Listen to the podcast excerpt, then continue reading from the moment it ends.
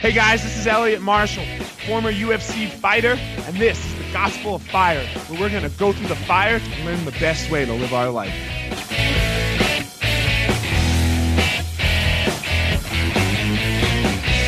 All right, guys, here we are back episode 13 of the Gospel of Fire, and I have none other than the greatest of all time, Roger Gracie. How you doing, Roger?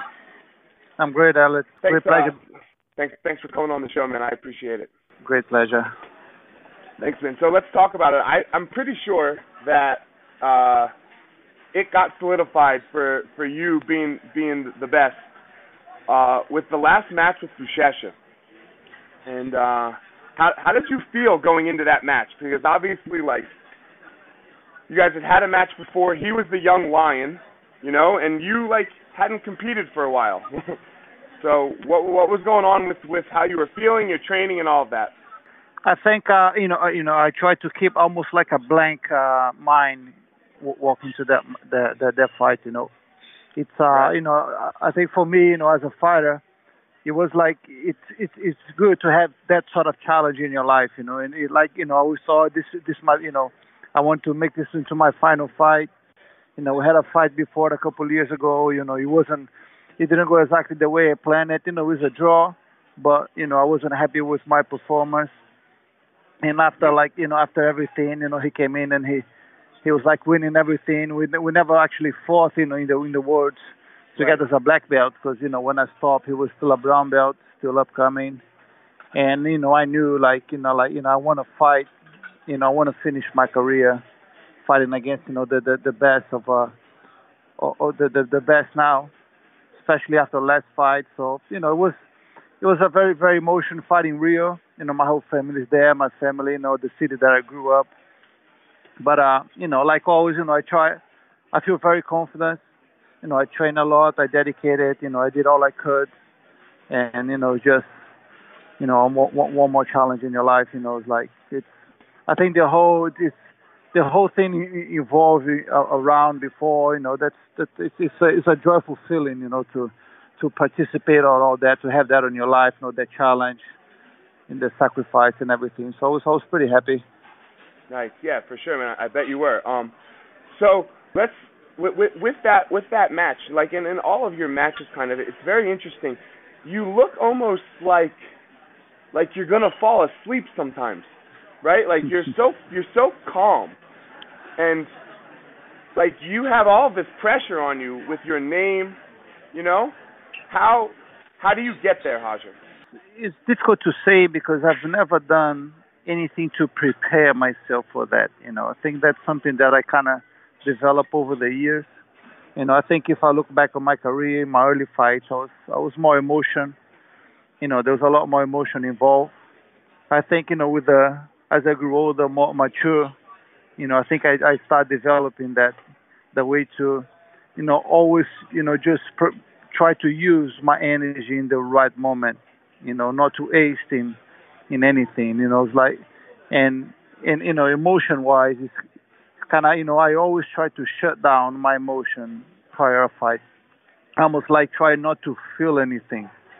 So at the same time that you know you try not to feel the nervousness, you know, all the pressure, the adrenaline, it, it also affects on your uh, happy, not not happiness. You don't celebrate on victory pretty much. You know, it's, it's, very, it's very connected. It's, it's all the same. If you Right. get very sad when you lose, you're gonna get super happy when you win. Of course, I'm you know I'm not you know don't take me bad. You know I'm I'm, I'm super happy every time I win. You know, but it's just the, the showing that emotion. You know, it's almost kind of holding everything inside and it's, it's, it's you know it's, it's almost a sign of weakness to let your opponent know what, what you're feeling Right. and you can you know the thing that the moment they get emotion in, in, you know the, the emotion becomes evolved into a fight you cannot think clear so when you shut all that down all, all you can focus a lot more so you know that, that you know that's always something that i try to do my whole life and i think you know in the end kind of shows that Yeah, man. Uh, like I said, I think that it, it was probably up for dispute who who the best was. you know? Yeah, Before- I agreed. I agreed. I, I know. I know for sure if I lost that fight, I would have been the second best now. well, well, yeah, you know. I mean, I mean, I like. Which is normal, you know. Yeah, Buchecha and I are friends. He's a, he's a great guy, um, and, and and we talk and. But uh, yeah, he's. I think he has more now, right? Doesn't he have eleven world titles? I yeah, think he does. He got he, He got does. this year, right? So Yeah, yeah, and, And- he, I'm, I'm sure he'll have even more. You know, he's still, Yeah. he's not even, he's not even 30 years old yet. You know, he's he's making his his own history, he's, which yeah, is he's- awesome. No, I'm happy for him. for sure, without a doubt. But that match definitely did it for you, and it was cool that it was in Rio. I thought, you know what I mean? Like you're both Brazilian, you're both from Rio. Like I, I thought that was very cool. Um, Oh yeah, well, yeah. I, I don't think it could have been any better anywhere else. It, it was the perfect place. especially like I don't know. Uh, I don't know. How do you feel? Like the worlds in Rio to me were just like like they're cool in America, but I, I can remember traveling to Rio and and doing the worlds not as a black belt, but the worlds in Rio that was, that was special. Wouldn't would you agree? Yeah, I agreed. I think he, he had his he, he had his special time, you know. But I think Yeah. in one way, I was happy when you moved to America. I think about venue structure. I think the you know the jiu-jitsu got way more professional when you moved to, to you know when the worlds moved to LA. I think For in sure. terms of the size, you know, the organization, you know, the setup, everything, it just it becomes a lot more professional. You know, a lot. You know, the the the venue in Rio. I don't know if you remember. It was like small, crowded. You know, the crowd right by the ring. You know, all that shouting on your ear. I mean, it was oh, awesome, yeah. and I was so very happy to to have, uh, you know, to participate at that time. But uh, you know, in one, you, there's a side of me that I was happy that you know you, you kind of moved on, you changed, you know, you became better. well, But, for you know, sure. I do, I do understand what you're feeling. You know, you had that, you know, that that see, there, there, there was a lot more feeling, you know, emotion involved fighting in Tijuca Tennis Club, you know, in Rio. You know, it was I- a I lot more pers- emotional for sure. I liked I liked being the gringo coming to Brazil, and then just like, and then, you know, and then just my gringo wife up in the crowds. You know, like I, I like that. yeah, person. yeah, yeah, yeah, You know, so I agree. There, there was something to it. You know, there is something to it. yeah, yeah, yeah. Um, man, so I think the first time I met you was at Renzo's, and you look. Uh, everyone that's better than you, you have these stories about them, and then like the people that you're like that are coming up under you, they have these stories about you. So you probably don't remember this, you know. And you were getting ready for the wor- for ADCC in um 05. and Right. Renzo matched us up first round of training, you know, and I and I had never trained with you yet, and I can remember exactly how this went, Haja. Uh, I we were training, and I think obviously like we were both just starting to get going, and I you you turtled for some reason, and I locked up an anaconda, and literally, man, in my head, in my head, I was like, holy shit, I'm gonna get him. And right when I had that thought, you slipped out and went to my back. And I was like, ah, fuck. And then you just beat my ass. And I can. You, you beat my ass pretty good that round, but that wasn't the worst beating. The worst beating came at the end of the training. With, uh. You t- I, I can remember, you tapped me 14 times in 10 minutes.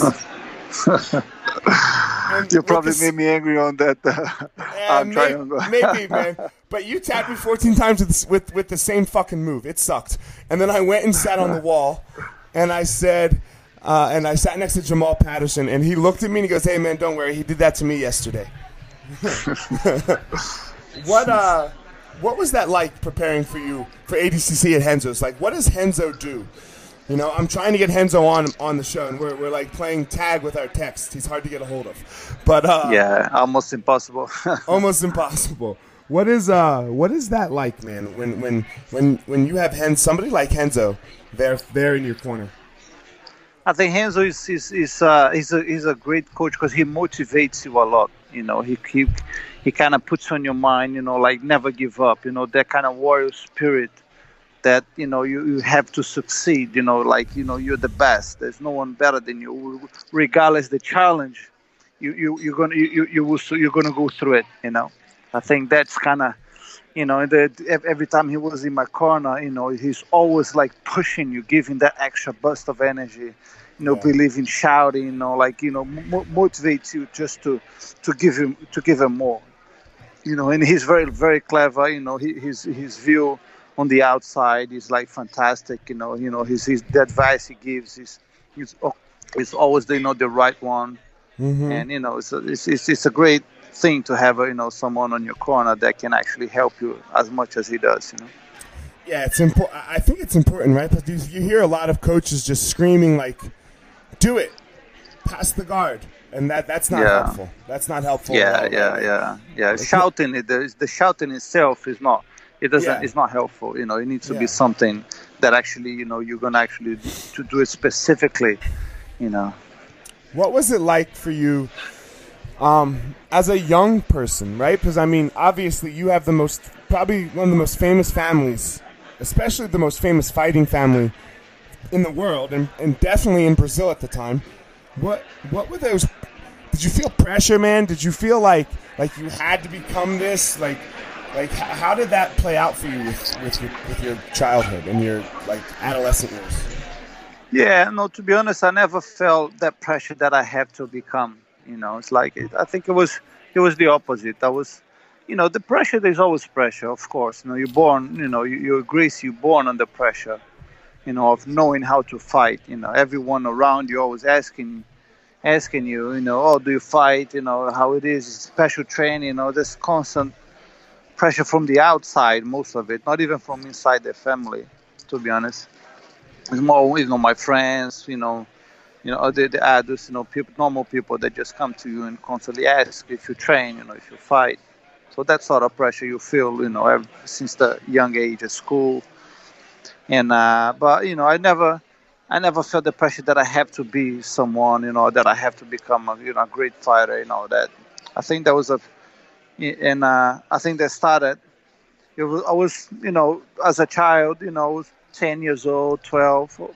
I wasn't really focused in jiu-jitsu, you know, really committed. I always train, I always compete every once in a while but you know there was a there was one point that I was living not so close from any Gracie school, I was training a bit more judo, but you know same thing like two or three times a week, nothing special. You know I never I wasn't doing great in judo. I was competing again, you know every once in a while, probably losing more you know more than winning.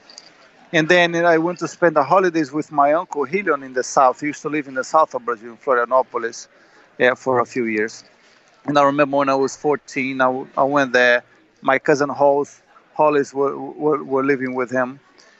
And then, you know, I got there slightly out of shape. And I wasn't obese, but, you know, there was some some stage in, in, in my life that was a little bit out of shape, not training much. And I went there for holidays. And, of course, you know, my uncle trains every day. You know, he he's very active. He was always very active. Rolles he's slightly older than me. I think he was purple belt back then, but like competing, training hard. And suddenly I start getting to their routine. You know, I'm staying at his, uh, at his house. Suddenly I'm training every day with them. You know, like, and then he's like putting in my mind, you gotta, you know, gotta be healthy. You gotta eat well. You know, you can't be out of shape like that. You know, you gotta be a black belt. And then our Hall's gonna be like the heavyweight champion. You're gonna be like the middleweight champion because I wasn't that big back then. You know. Right. I don't think he, he knew he thought it was gonna be like 100 kilos, but with the way he was talking, he thought it was gonna be like 85, 90 kilos. So he's like, oh, how's the heavyweight or the middleweight? You know, you have to train. And then I stayed there for like you know six weeks. I go back to Rio. Boom, my life my life changed. Suddenly, I you know next year I'm telling my mom I want to go back to live with my uncle. You know, I want to train. I want to do this. I want to do that. And suddenly, I start training regularly. And then when you know I moved I, next year, I went to live with him. I lived there with, with him for almost a year, and suddenly I had very clear in my mind. You know, it's like this is it. This is what I want to do. I want, I'm going to be the best fighter in the world. I'm going to train hard every day. And no one ever took me seriously in the you know when I, when I was 14, 15. You know, I was like still a slightly chubby kid. I was you know I was getting a little bit better, but you know a little bit better, but I was far from being the best of my age or my belt, yeah. you know. sure, sure. And then you know it took a, it, t- it took a few years for people to actually, holy shit, you know he's he's actually getting really good.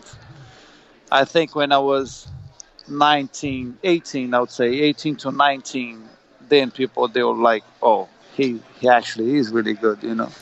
That's when I noticed people like seeing more. What do you think, like, uh, man, um I think that's interesting what you said about, um, you know, you were training, like you're, you're the best in the world ever now, and you were you weren't really that serious when you were, you know, seven, eight, nine. This is, I think, this is something that a lot of um, instructors sometimes struggle with. I know, like for me as a parent, like I don't, my kids, like we have rules. They have to do jujitsu. Like they, there's no way they're not doing it. But I'm not like, uh, okay, we're going every day. You know, you're gonna be the best. And and you see that a lot these days, right? Like you see that a lot with the parents just putting so much pressure on their kids to be great. Like where do you where do you think that came from? Why do you think that is and and and how do you feel about that? It's the, I, I think that's it's very difficult to, to deal with that. You know, like I have a son. You know, I have a daughter. My daughter is five, but my son is like nine, and okay. you know he's a very big boy. He's bigger than everybody at his school. Yeah, mine's so, eight and the same thing. Yeah, and you know, like I teach a lot of kids. You know, I have a lot of kids in my school, and I think you know when the parents they kind of force the kids to, to do something that they wish they, they, they, they've done when they were young. I think that's the worst thing that you could do to your kid because in the end of the day you know it's not your life. That's the, the, that's how i try to, to, to, to, when i look at my son that's what i try to, to do with him you know. It's not my life it's his life. I cannot choose for him right. and if i try to force him to do something that i want and in case he, he chooses to do that, it's not going to be his choice. He's never going to be great. And, you know, he, in that, he can actually play opposite. He can be a frustrated person. He can be unhappy. You know, in the future, that can be totally against it. You know, he can actually be against me, you know, angry with me for the fact that I forced him to do something that he never wanted. So, you know, I, I see with my, you know, with, with Tristan – it's like you know now I you know I try to to let him become interested in jiu-jitsu. You know, there's ways that you can try to to, to make him train without telling him go train. You know, right, I think right, you know up to now I never force him to train. You know, he's he's you know he's not as his jiu-jitsu is not strong, but he's nine. You know, I, I have a, a, a theory that I think every kid, if they are great when they are kid, they'll never be great when they are adults. Because you know it's it's something that I think we you know we, we as a, as a person, if you dedicated your life, you know your childhood for so many years into something, when you become an adult, it's natural that you're gonna try you know you you're gonna look for something else. Because you already done it for like 10 years you know or more. Suddenly like you know you're 22 you know you've been training since you're like 8 i mean there's 14 years that you constantly training training training then you you're really good as a child. I mean, and then you're like, you're already good. So now you're going to try to look into different things to be good at it, you know? So it's like I've never seen, maybe, you know, maybe I'm wrong, but I don't, I don't, I don't remember seeing any kid that they were great till they were like 15, 16, like really good, amazing, winning everything. And they became, you know, the, uh, uh, uh, the same thing that there was a child as an adult. They were like the, su- the only person I can, you know? yeah, the only person, the only, in the whole world, even outside of, I can only think of like Tiger Woods, you know, and that's it. Yeah, Serena Williams. You know, I was watching a documentary of her. You know. Yeah. It's, but then it's like it's, it's a different sport. I think, like you it's, know, when you play when you play tennis or when you play golf, and then you see like Tiger Woods. You know, suddenly he's not, he's not winning everything. You know, after he becomes an idol, but there's a lot of money involved. You know, it's easy for you just to play golf. You know, maybe tennis is not that easy; it's a lot more physical. But I mean, golf, you love playing. You you know, you make millions playing. Even you winning or, or losing, you will play. But fighting, I mean, mm-hmm. fighting is a lot more physical. You know, it's like the adrenaline or getting to the ring and fighting someone. I think it's is a is way harder to do than to do golf. And you don't you don't make millions fighting jiu-jitsu. No, you know, and the, it's an amateur. You win a medal, yeah. which is awesome. You know, I, mean, right. you know, I don't regret any time I fought jiu-jitsu. It's an amateur sport, but I'm saying it's different. You know, suddenly, if if if fighting the world would pay me, you know, five million dollars every time, I would be competing now, winning or you know, I would probably be still fighting every year, even if winning or not winning. Sure. If every sure. time I fight, you know, I make five million dollars, I mean, that's a lot of money for you not to, to say no. Uh, that's, you know, that's why I think that's they, how they play. You know, look at tennis. Look at Federer. Mm-hmm. You know, mm-hmm. Roger Federer. You know, he still play even though that he's not as good as he was. He's still amazing, but he's not as good as he was a few years ago. Yeah, he's good enough to make a couple million dollars a year. Exactly. Yeah. You know, every so, time he plays, you know, sponsorship and prize money. You know, it's a lot of money involved. That's why they do it. But in fighting, you know, you don't have that, so people they stop earlier. You can't. It's, it's a lot more sacrifice, you know, like fighting. The and the mind. Know, for, I think people miss what happens with your mind with fighting. You know, it's such yeah. a it's such an unnatural yeah. thing, right? Like that that that fight or flight response can only kick off so many times.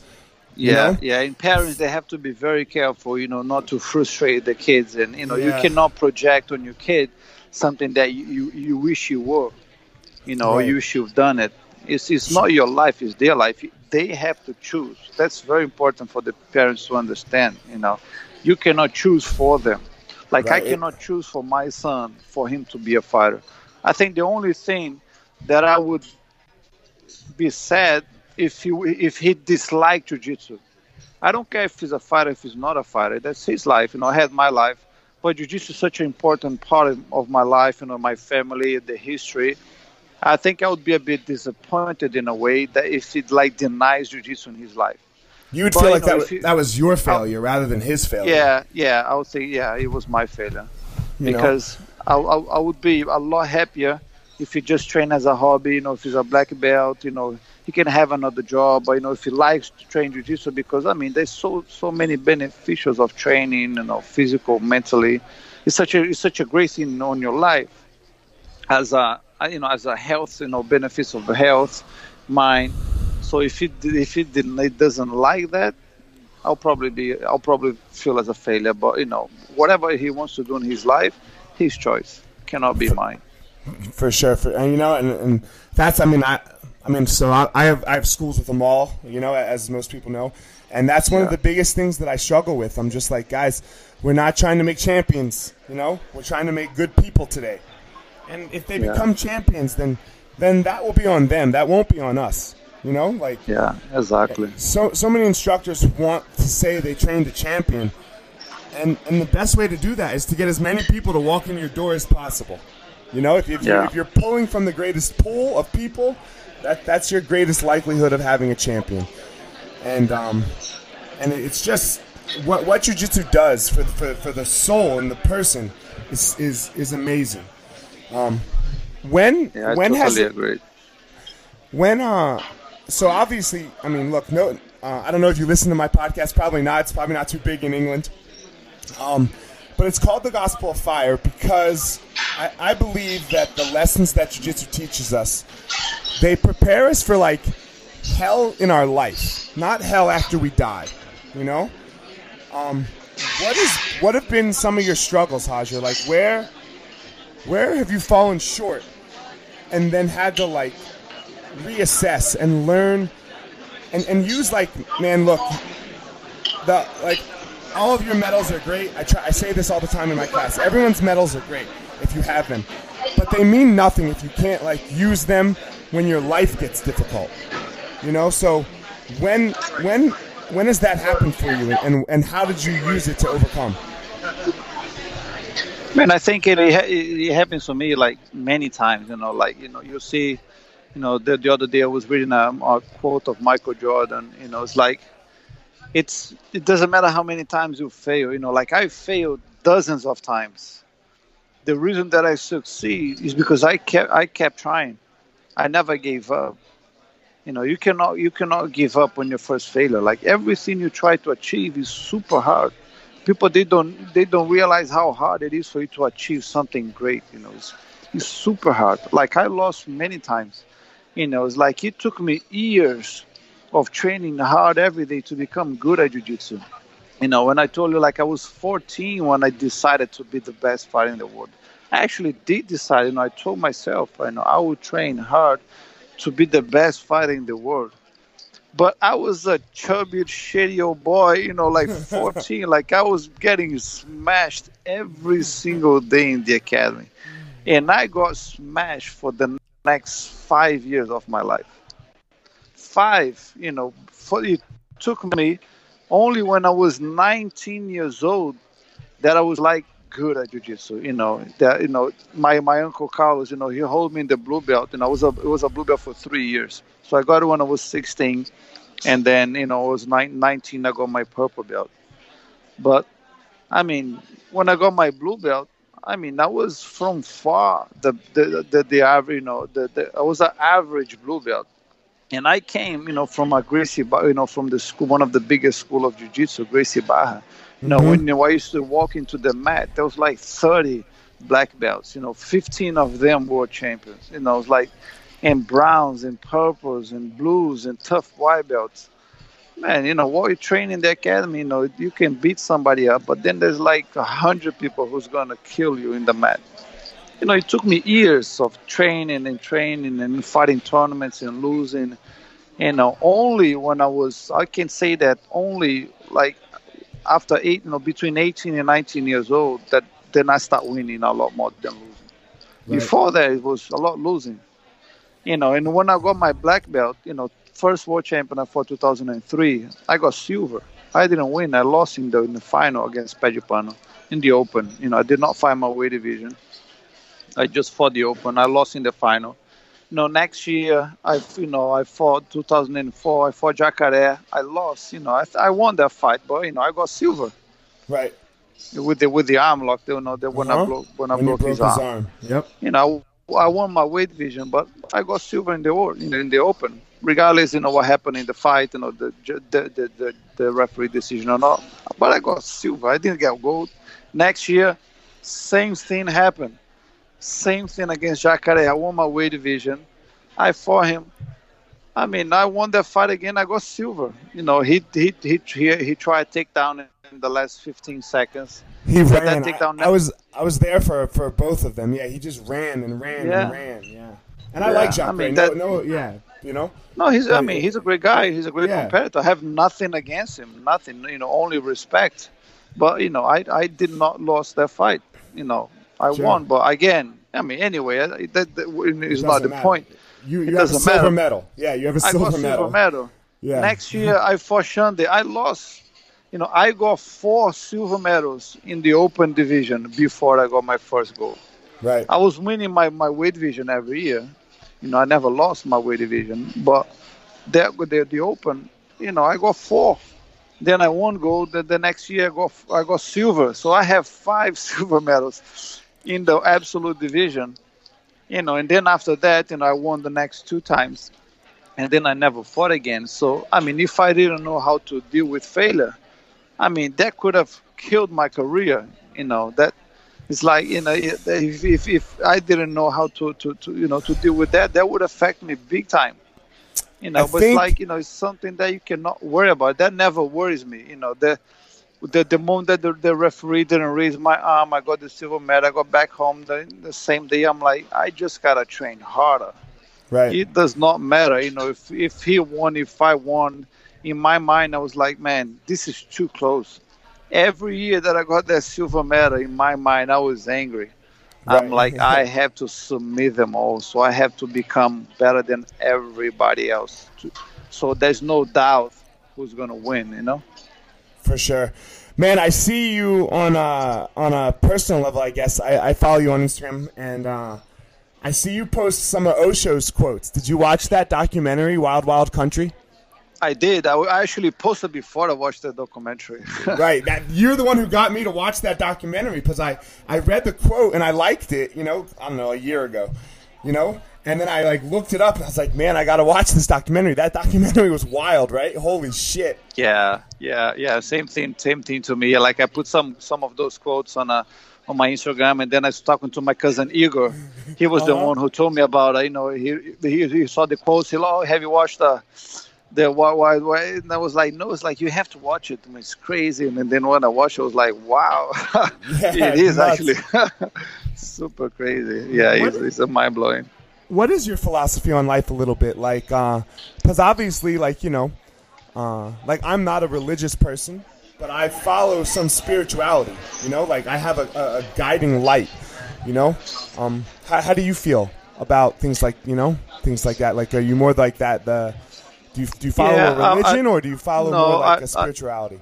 I, more spirituality. You know, I think I, you know, I don't honestly, I don't believe in religion. You know, I don't think that's like it, it, it helps people. You know, like I respect people who are religious. right. You know, I believe in God, maybe not the form of God that people believe. You know, like I believe a lot in energy. Like you know, if you're a good person, you attract good things to you. You know, it's like I believe in doing good, and you're gonna receive good. You know, it's like it's you don't you don't need someone uh, telling you what's right or wrong.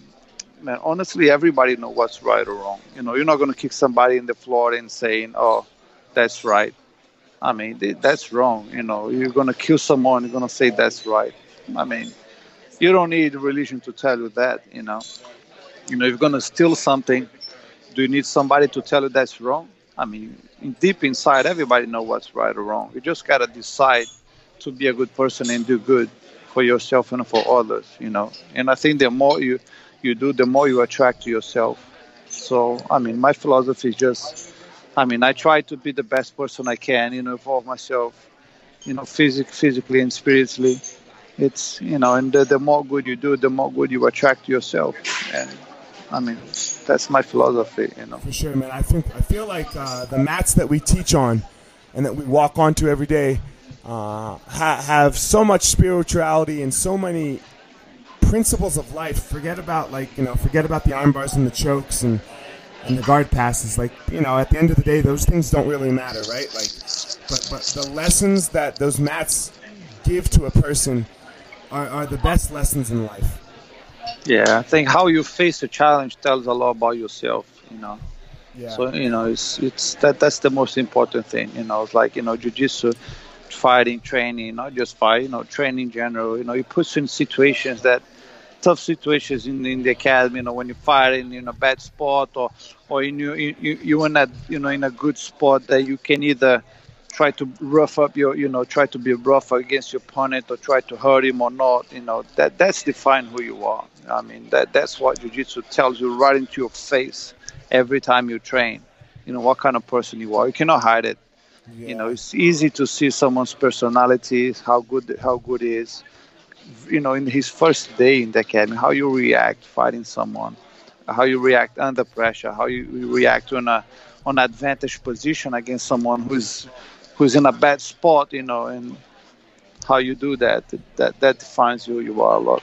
and then watching how that can change over time with somebody you know like you can you can take those weak and soft people and you can mold them into something tough you know Yeah. when they when they never thought they could be tough in their life ever Exactly. Exactly. You make them believe themselves. You know, when when you're having to fight against someone twice your size, then you put in he puts you under pressure, and then you you overcome that. Suddenly, on his back, choking him, choking him out. I mean, I think you can leave that match. I think you can conquer the world. You know, like you just beat a guy three times your weight, you know, three times your size, and you know you, you pure by your own merit. I think that's kind of that's that's what one of the greatest things in jiu-jitsu. You know, Yeah, you I can always- leave that saying that you know I've, I've, I've done it. I always tell my kid, you know, every day before he goes to school, I said, tell him my older one, my younger one doesn't care yet. Um, he's, uh, I say, hey, who's the toughest? And he says, I am. And I say, why? And he goes, because I can get beat up. You know, and I think that's what Yeah. jiu-jitsu teaches us. You know, it, it teaches us how to get beat up because, like, like you said, you got beat up for five years every day, really bad. And once you can take it, then you can really give it. You know. yeah, exactly.